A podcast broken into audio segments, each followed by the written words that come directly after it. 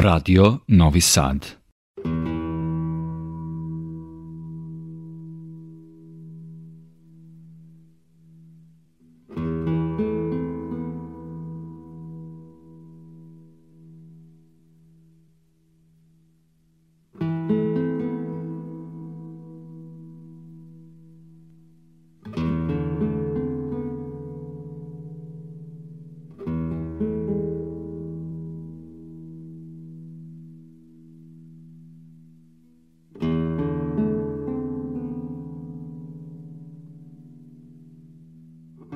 Dobroveče, poštovani slušalci. Vi pratite program Radio Novog Sada i još jedno izdanje emisije Vox Humana. Moje ime je Boško Buta. U našem malom, simboličnom i potpuno spontanom ciklusu posvećenom uspešnim ženama iz našeg okruženja, ja sa radošću predstavljam moju i vašu večerašnju gošću, gospođu Mirjanu Maksimović, magistra operativnog menadžmenta, koja osim što se bavi PR-om, tržišnim komunikacijama, marketingom i tako dalje, sa nama je večeras neću da kažem prevashodno, ali zbog jedne jako interesantne aktivnosti koje se posvetila, u kojoj je tek na možda prvim stepenicama do uspeha koji će definitivno odvesti na Parnasil dobrim putem ide, a reč je o vinu, o vinskom turizmu, o udruženju Žene i vino koje je osnovala pre celih 7 ili 8 godina. Miro, dobroveče i dobrodošlo u program Radio Novog Sada. Dobroveče, hvala na pozivu. Elementarni red mi nalaže da ti najavim onu neku oficijalnu biografiju što jako šturo i akademski zvuči, ali i to ću da uradim par reči. Ne mogu ih poetizovati, ali ti ćeš me ispraviti. Znam da si diplomirala na operativnom menadžmentu, na strategijskom menadžmentu. Između magisterijuma koji je usledio, bile su i dve specializacije – posvećene PR-u i tržišnim komunikacijama. Magisterijum je sledio na takođe tržišnom menadžmentu, a usmerenje ka marketingu se ogledalo u činjenici da si jednim povodom, ti ćeš nam reći kojim, vrlo važnim, proglašena i za najmlađeg PR menadžera tadašnje Jugoslavije. Tako je. Bilo, da. Tad smo se tako zvali. To je do duše neka neformalna. Neformalna, da. da. Ali je tebi jedno od verovatno najdražih yes. priznanja. Možda, da, da. da pa eto, pošto je ovo radio i pošto ljudi ne mogu da me vide, a da mogu znali bi da imam metar 85, ali recimo u tom svetu PR-a tih 90. godina svi su me znali kao mala mira. Mala mira. da, da, zato što sam bila ubedljivo najmlađa među njima i ne znam da li sam imala 20 godina tada. A inače ona, zanimljivo je da, da ona, moja, ona rečenica ja imam talenat je u stvari moja rečenica, naravno da. nije zaštićena, ništa nije da, da, sporno. Desila se tada kada sam ja upisala fakultet i slučajno videla u novinama da se na Institutu za novinarstvo organizuje specijalizacija za tržišne komunikacije i privrednu propagandu i odlučila da se prijavim. I sada kad sam ja došla na taj prijemni razgovor, prvo su mi dali sve one papire, statute, ne znam sve što treba, razgovarali sa mnom, onda su shvatili da sam ja brucoš koji nije još ni krenuo na prvo predavanje, jer je bio septembar u pitanju. I rekli su, pa znate šta ne ide da vi upišete specializaciju pre nego što završite fakultet. Posle četiri godine kada ovo završite, vi dođite kod nas, mi ćemo vas vrlo rado primiti. Zato što sam ostavila dobar utisak. I ja sam rekla, pa dobro, sad i ništa i pokupila se, otišla kući, ali su ti papiri već bili u mojoj tašni. I kad sam došla kući, ja sam tela nekako to da bacim, ali onda rekao, ajde da pogledam, bar pre, šta će mi sad, jel da, višak papira u kući. I onda sam tamo gledala i piše uslov za upis na specializaciju, da neko ima sedmi stepen stručne spreme. Fakultet, tako. To je fakultet, tako je. Ili, ali ne piše i, nego ili da je nadprosečno talentovan za bavljanje tržišnim komunikacijama. I ja sam sutra uzela te papire, ponovo zakucala kod njih na vrata i rekla sam, dobar dan, ja sam došla da vam kažem da ja imam talenat, a vi ne znam čime to merite. I onda su oni rekli kao, molim, nisu razumeli, rekao, evo ovde piše uslov za upis, ili fakultet ili nadprosečan talenat. I ja rekao, evo ja tvrdim da ja imam nadprosečan talenat, a vi sad izmerite. Da, da, da. I onda su oni rekli dajte nam ličnu kartu. I tako sam ja u stvari ušla u tu priču. Tu u početku niko nije kapirao da ja sam brucoš i da sam na prvoj godini studija. Sve kolege su me u početku prihvatale kao sebi jednako, onda posle kad su kapirali o čemu se radi, kako odmiče vreme pa se upoznajemo, to što je to prava specializacija, traje dva semestra celu godinu, onda su posle gajili neke posebne simpatije ka meni. To je rezultiralo time da oni u stvari nisu imali nikakve tajne profesionalne u odnosu na mene, tako da sam se ja vrlo brzo penjala na toj lestvici uspeha, mislim to je Beograd, to su 90. to je jedna surova, jedno okruženje i jedna uslovno rečeno mlada profesija tada u Jugoslaviji gde je bilo puno velikih igrača, a gde sam ja tako eto zahvaljujući tome što sam bila najmlađa i što se oni mene nisu bojale mogla lako da ulazim i, i da prolazim, da.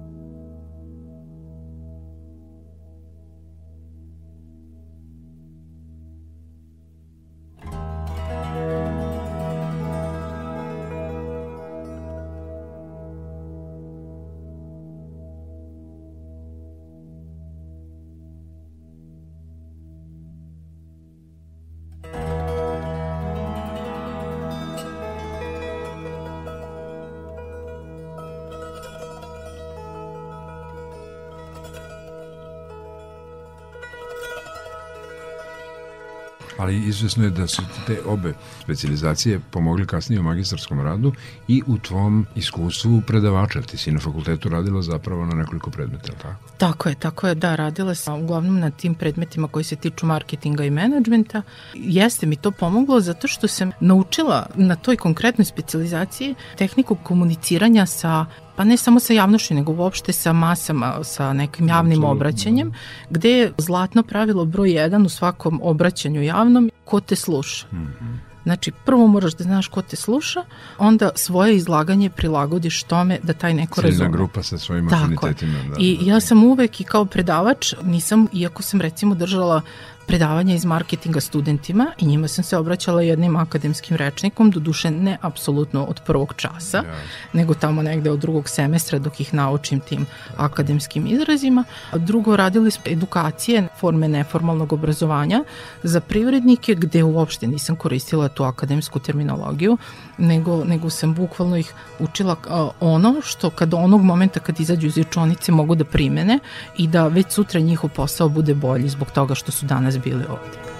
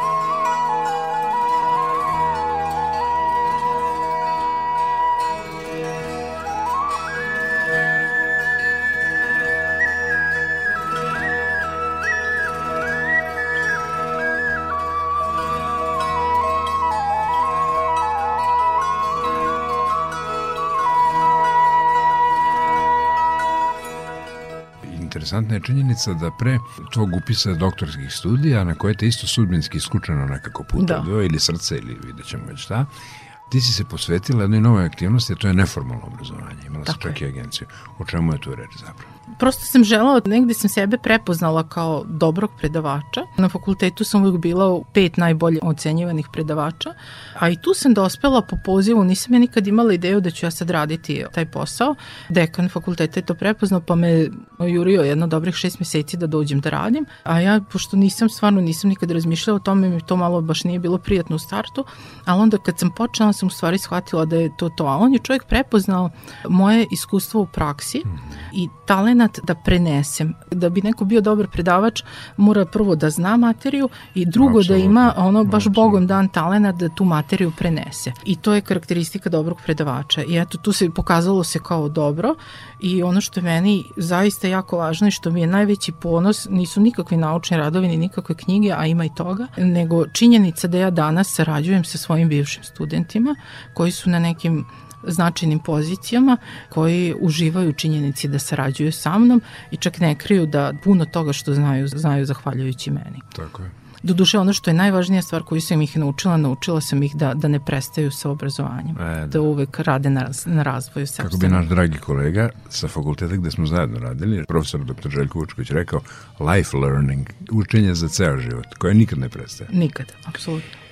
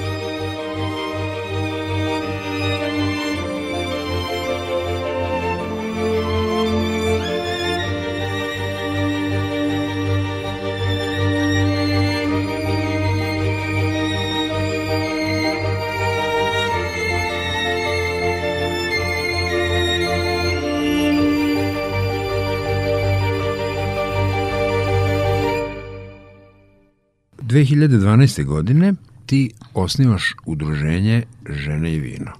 To sad već počinje intima, znači tvoje neke sklonosti potpuno privatne, tvoje afiniteti, tvoje želje u savršenom spoju sa darom koji si imala za PR i za marketing, povezuješ dakle marketing i promociju domaćih, pre svega srpskih vina. Tako. Tad si već na doktorskim studijama, ostao sam dužan da objasnim da si na doktorski studij isto tako nekako čudno uletela.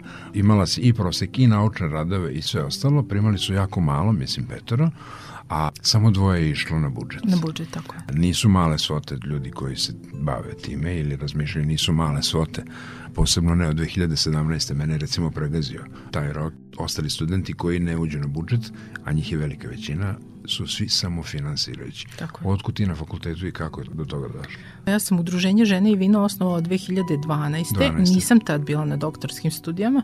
Tad sam imala dobru volju. Tad sam još mogla da branim doktorat ono po onom starom.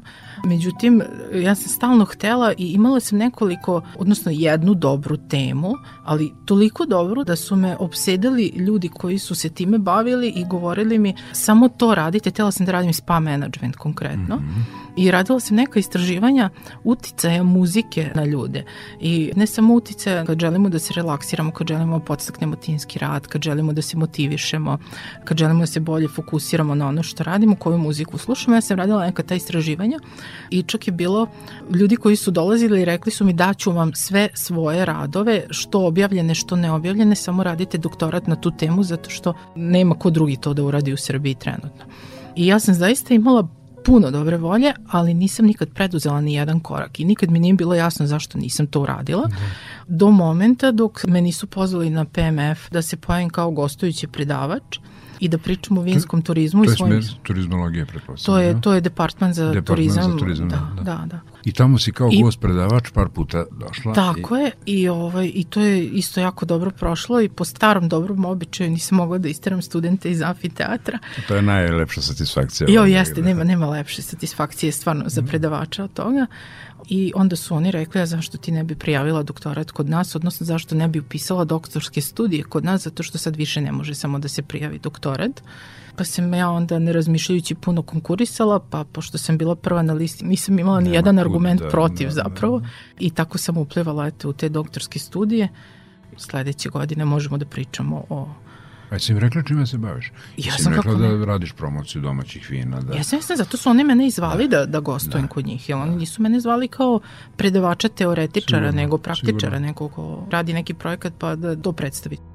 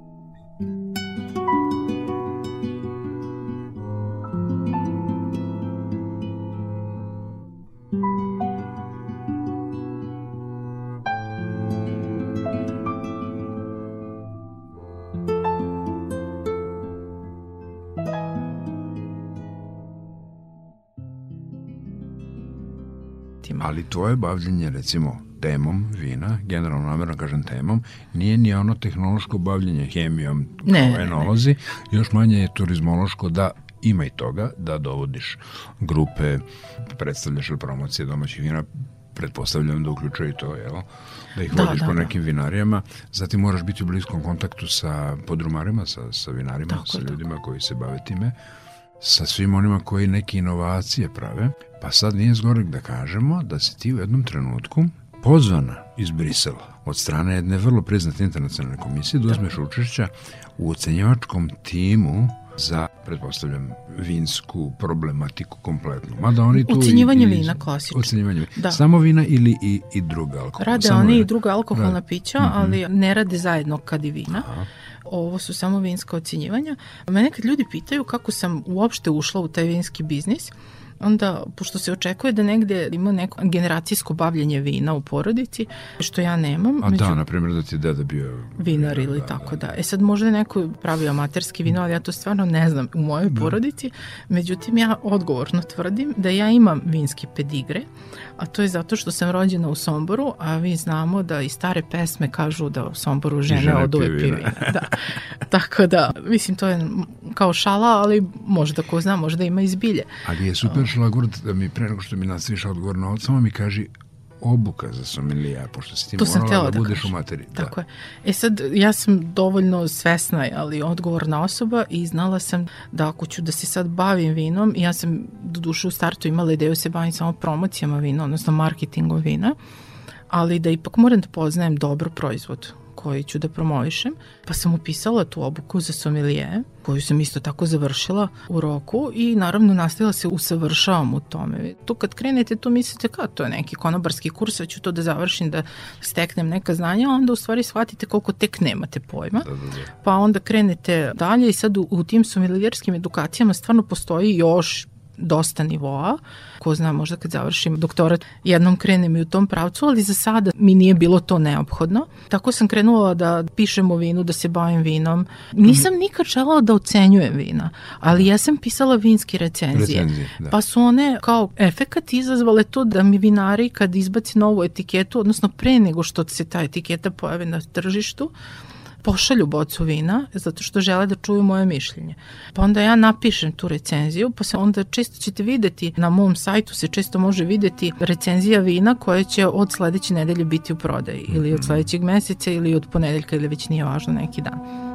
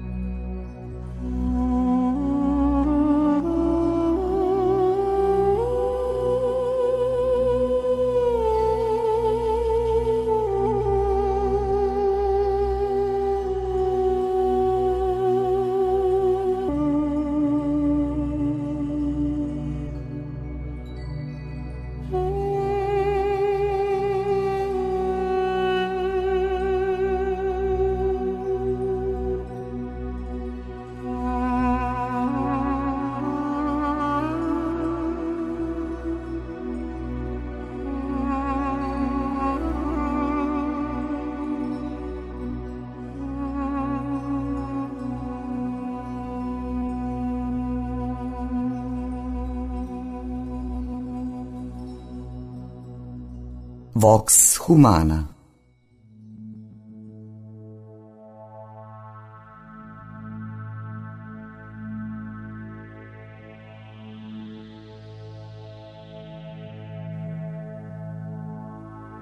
kod mene sve nekako logički ide, onda kao posledice toga se pojavio taj poziv iz Brisela da budem jedan od sudija na tom velikom, jednom od najvećih svetskih ocenjivanja vina zapravo. Sjajno. Ja ne znam koliko hiljada primjeraka vina se tu pojavi, da sad ne, ne špekulišem brojevima, ali 3 do 5 hiljada mislim primjeraka vina. U svakom slučaju sudijski tim čine 350 ljudi iz celog sveta koji su podeljeni u 50 timova. Mm -hmm. Svaki tim ima zadatak da u jednom danu oceni u jednom prepodnevu 50 vina, da slušalcima objasnimo ne piju se vina. Znam da se ne piju, ali ne kako se. posle trećeg i šta možeš da primetiš. E, to je najveći izazov u stvari u tom poslu, stvarno da, da. zadržati fokus, zato što i ja nemam kapacitet za puno vina, ni u kom smislu, tako da to jeste. Međutim, oni lepo to podele u tri panela, pa se u prvom panelu ocenjuju bela vina, pa se napravi mala pauza, pa se onda ocenjuju penušava vina, zato što penušava vina deluju osvežavajuće na nas, i zato se taj proseko recimo italijanski pije tako u pola dana. Znači neće nikog omamiti. Bukvalno kao neka ajde polualkoholna limunada. Mm. pandan tome. Znači bukvalno osveži čula posle, yes. posle ovih belih vina i onda se pređe na panel sa crvenim vinima i tu se dan završava. Mislim radni dan da. da, i ja eto koliko god nisam i, i opirala sam se dugo da, da uopšte ocenjujem vine. Nikad nisam tela čak ni vinarima da dajem sad svoju neku ocenu vina, ali sam smatrala da kvalitet vina zavisi od hiljadu i jednog faktora od kojih se najviše tiču onog božanskog dela. Znači, hoće li biti kiše, hoće li biti sunce, hoće li da. duvati ovakav vetar ili ne znam šta još može da se desi i da jedan vinar koji toliko ulaže u održavanje vinograda da bi napravio sirovinu od koje možda će napraviti dobro vino. Da, Ali ako nema dobru sirovinu, da. neće sasvim sigurno. I, I pošto ja znam, ili se bavim time i obilazim ih i pratim i znam kolika je to muka, nikad nisam htela sebi da dozvolim da nekom kažem da ovo vino je moglo biti bolje ili da je pogrešio ovde ili onde. Prosto sam smatrala da to nije u redu, pogotovo što nisam čak ni tehnolog. Da. Ali onda kad sam dobila ovaj poziv, pošto je ovo zaista prestižna stvar, nekako nisam mogla da odbijem, pa eto sad i što nisam htjela sad nekako radim.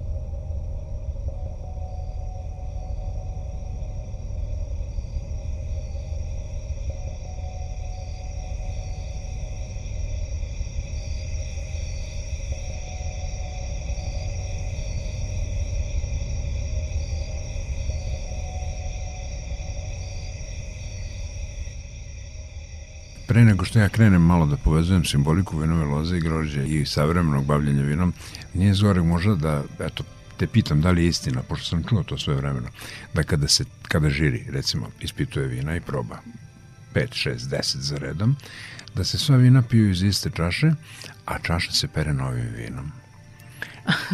to je, da li je to trend bio u tom trenutku, pitali smo čoveka koji se time bavio sve vremeno, kaže da, dobijemo istu čašu i novim vinom operemo ono što je ostalo, proba se sve to što ćeš nam ti reći zapravo da. šta se proba, jel? A te ja sam da pomenem samo ovo je slatko, recimo da je simbolika vinove loze i grožđa datira hiljadama godina, to svi znamo. Vinova loza se koristi kao simbol plodnosti, prosperiteta, promene i blagostanja, simbol grožđa se tradicionalno vezuje za obilje i plodnost. I simbolik je da je vinova loza božanstvo, duhovni stvaraoci su napisali mnoge ode i pohvale vinu, da je vino unutrašnje sunce sadrži duboke radosti i da je vino simbol skrivenog života. Ovo je naravno poetizovan tekst, ali ako se setimo samo eto i probusa i te prve loze koje on dono u Fruškogorsko, u Vinogorje, odnosno da još nije bilo Vinogorje, ali suncem obasjene i pitome padine i obronke Fruške gore, pa shvatio da je ovo idealno zemljište za vinograde, što se kasnije i pokazalo. Tačnim, moramo pogledati tu hronologiju događanja i neke istine koje nisu na nivou urbanih mitova ili poluinformacija pomenuti. Činjenica da je vino od vajkada prisutno, jel, recimo da je od probuse te prve loze u Fruškoj gori, koja je tebi bliska, znaš, verovatno sve te vinare, mi nećemo licitirati menima, ali znamo da su i Karlovci i kompletna ta, taj deo, Tako i uz Dunavi, u Banoštori, Neštini, vinorodni dobri krajevi, kada je ugarski vladar Bela IV. doveo cistercitske monahe na ruševine nekadašnje rimske, nije tvrđavo utvrđenje Kuzuma i verovatno vizantijskog Petrikona pre toga, Oni su kao jezuitski red zapravo jako vredni bili i rukovodili devizom ora et labora, molitva i rad. Između ostalog, doneli su za to ono vreme revolucionarno modernu tehnologiju proizvodnje vina. Svatili da ovde loza jako dobro uspeva i na izvestan način revolucionisali do tadašnju i limitiranu proizvodnju vina i u pogledu kvaliteta i kvantiteta. Tako da, budući da su oni došli iz Francuske, iz pokrajine Šampanj, iz mesta Trois Fontaine, što znači tri izvora, da. pa su onda u čast Beli četvrtom koji ih je doveo, mesto nazvali Bela Fons ili Bela Kut, to je ime Petrova Radina, staro, napravili vino koje je definitivno tokajac, a verovatno i šampanjac potiče s ovih krajeva. Neko će reći nemojte se zaigravati, deco, znamo mi odakle je šampanjac i ne mora da bude istina, ali u svakom slučaju znamo da imamo dugu i bogatu tradiciju koju su nam i drugi donosili i usvajali smo znanje, zašto da ne?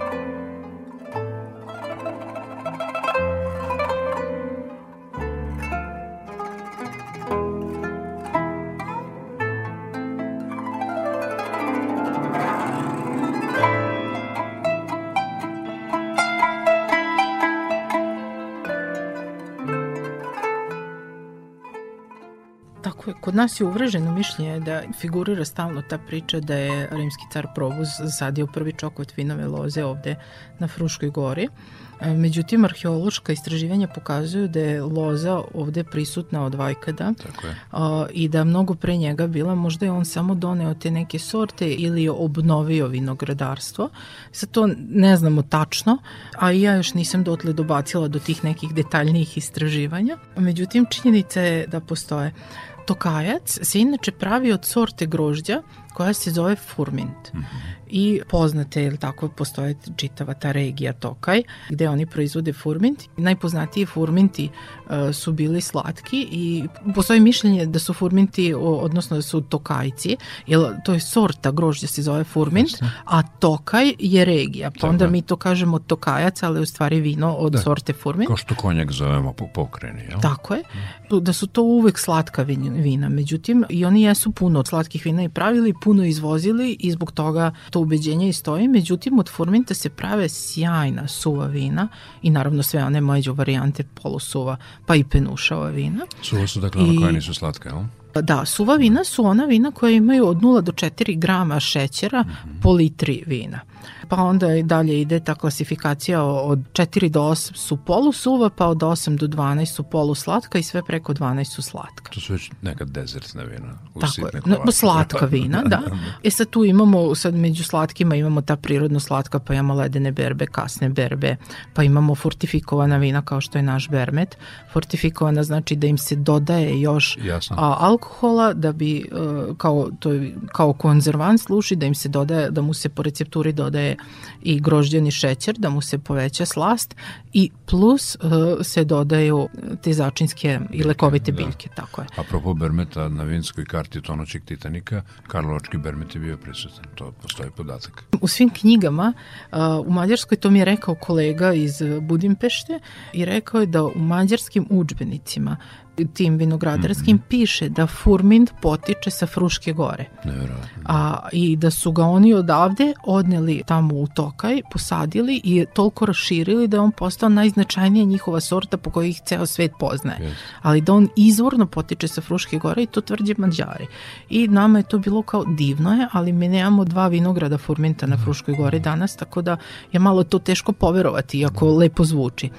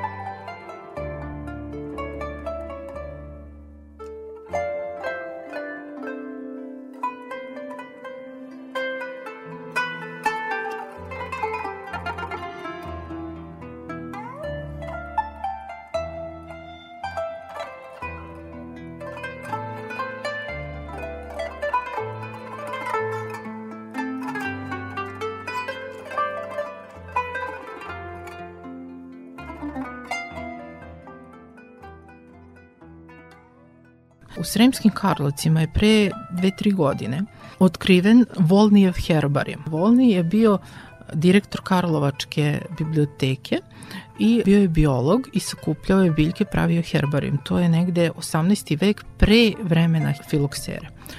I on je imao način da ispresuje list, lastar, čak i ceo grozd. Bukvalno je napravio herbarijum svih vinovih loza. Ja sam sad zaboravila tačno, ali mislim da ima oko 100 uzoraka vinove loze u tom herbarijumu i sve su sa područja Fruške gore. U isto vreme, Arhimandrit Rakovački, Prokopije Bolić, piše knjigu Sovršeni vinodelac, gde popisuje sorte i daje njihove botaničke opise. I mi sad imamo dva različite izvora, ali iz iste vremenske epohe, znači iz vremena pre filoksere. Filoksera je bolest koja je opustošila sve evropske da. vinograde i mnogo sorti, ne samo srpskih, a srpskih posebno, je nestalo posle filoksere prosto se ti vinogradi više nisu objo, da. obnovili i mi imamo puno sorti za koje samo na papiru znamo da su postojali, imamo njihov botanički opis, ali zapravo ne znamo šta je, kao na primjer graša crni.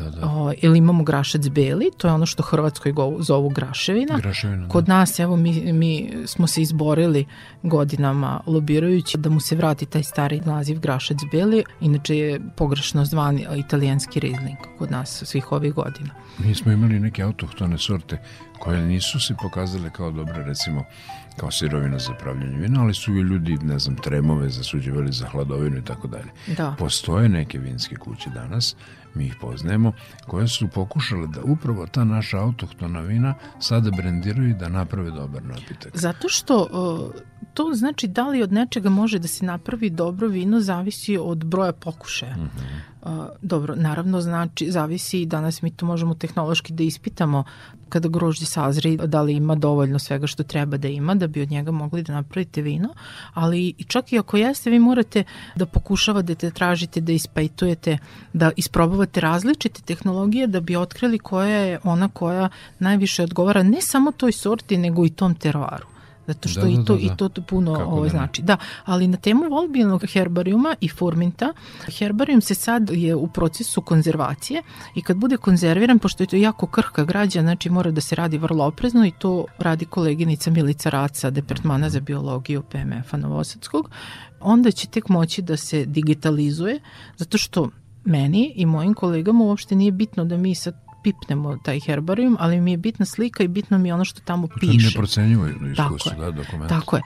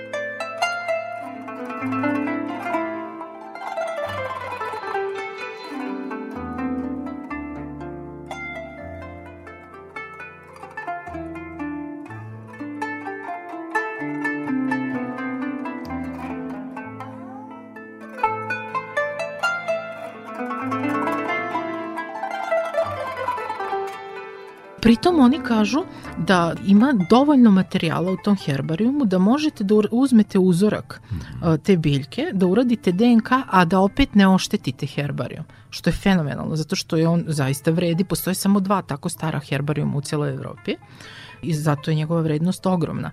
Tako da će to nama, mi jedva čekamo da oni završe ta ispitivanja, da možemo sad mi da nastupimo, zato što kad to uporedimo sa knjigom Prokopija Bolića, mi ćemo u stvari doći do podataka i dopuniti naša ampelografska znanja, pa čak i ampelografske kolekcije jer tu postoji puno sorti u tom herbarijumu i ovoj knjizi za koje niko ne zna šta su. Zapravo, da, da. nema ih u kolekcijama, apsolutno.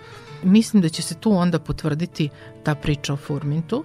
Ako Mađari tako uporno tvrde da je to naše, mislim, zašto bi da, to da, da radili da, ako, ako nisu apsolutno Ima ubeđeni? Ima smisla, to bi možda i jezičari da. mogli lingvisti da ponude neko rešenje. Da, mada, Fruzi, mada danas više gore, da. lingvisti su davali rešenja i u, u ranijim nekim, pa je bilo da je portugizor iz Portugala, ovaj, što naravno nema veze sa životom. A sada manje ima, on Da, ali mi, ne, mi sad postoje, postoje egzaktne nauke, vi uradite da. DNK i sve je jasno. Nedvosmisleno vam ukaže odakle potiče ta sorta. Da. Tako da mi u stvari evo čekamo da taj herbarijum bude analiziran na taj način, pa ćemo onda znati mnogo, mnogo više o istoriji vinogradarstva Fruške gore.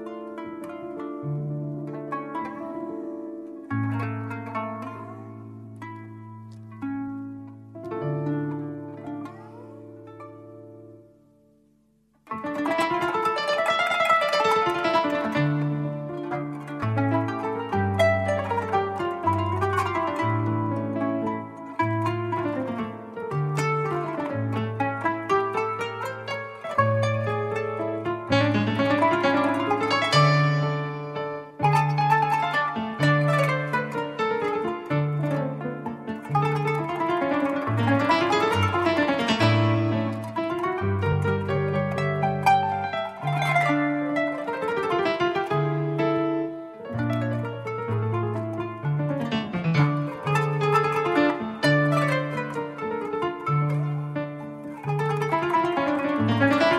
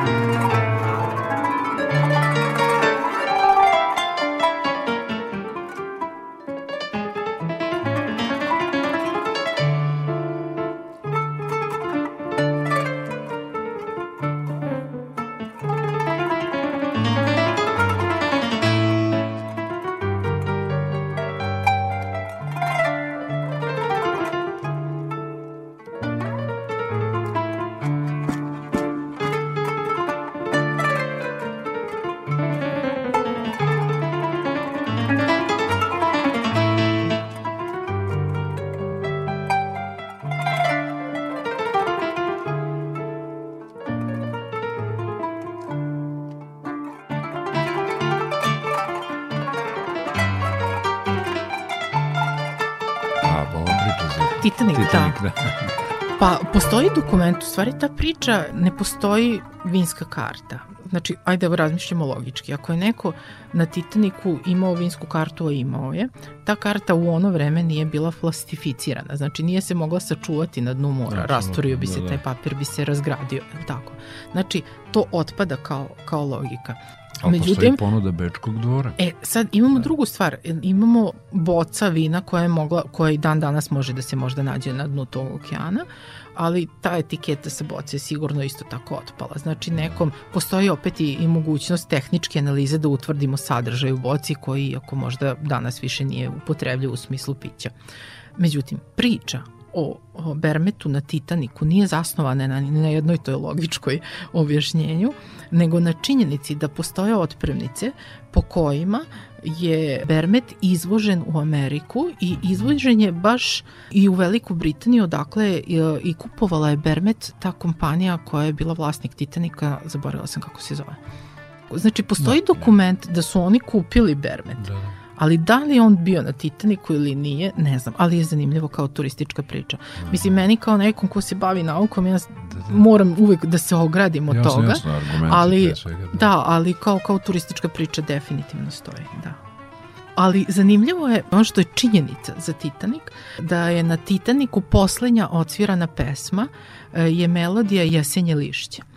A jesenje lišće me je toliko povuklo letos, o, nešto mi toliko prijela ta pesma, pa sam ja onda rekao daj da vidim čija je to pesma, ko je napisao, ko, čiji je tekst. Da. I onda sam došla do saznanja da je neka američka grupa uradila melodiju za neku, da je to u stvari bio kao instrumental, kao klasična pesma, muzika se svirala i zato je i svirana na Titaniku, ne znam zato što je zbog jesenjeg lišća ali jedna novoseđanka, naći ćeš na Google, krajnje slučaj zaboravila sam ime, pitanju je neka nesrećna ljubav, je u jednom trenutku napisala pesmu zato što ta njena tužna ljubav je nju podsjeća ona lišće koje opada, mhm. umire priroda i tako. Dobro, da bi se narod... je leteći motiv od Branka Radičevića pa nadalje. E, ali, ali ona napisala tu pesmu Jesenje i lišće i onda kao tekst i dalje onda ona ukomponovala sa tom već postojećom melodijom ili neko drugi, taj deo sam zaboravila. Ali je činjenica da melodija svirana na Titaniku u, kao poslednja. I to, to ima, im postoji sajt, to sam proverila mm. na sajtu, ono, ne znam, klub ljubitelja Titanika, istraživača Titanika ili već nešto. Dobro, bilo je preživelih svedoka, jel? I, da, jeste, da. i ovaj, ali to piše, to piše kao zvaničan činjenica. Vidiš kako nas je filmska poetika u stvari odvela na drugu stranu, tamo je Bruhokol Nidrej, da. kad napravila jevrejska sefardska melodija svirana. Jeste, kao sjajno. poslednja.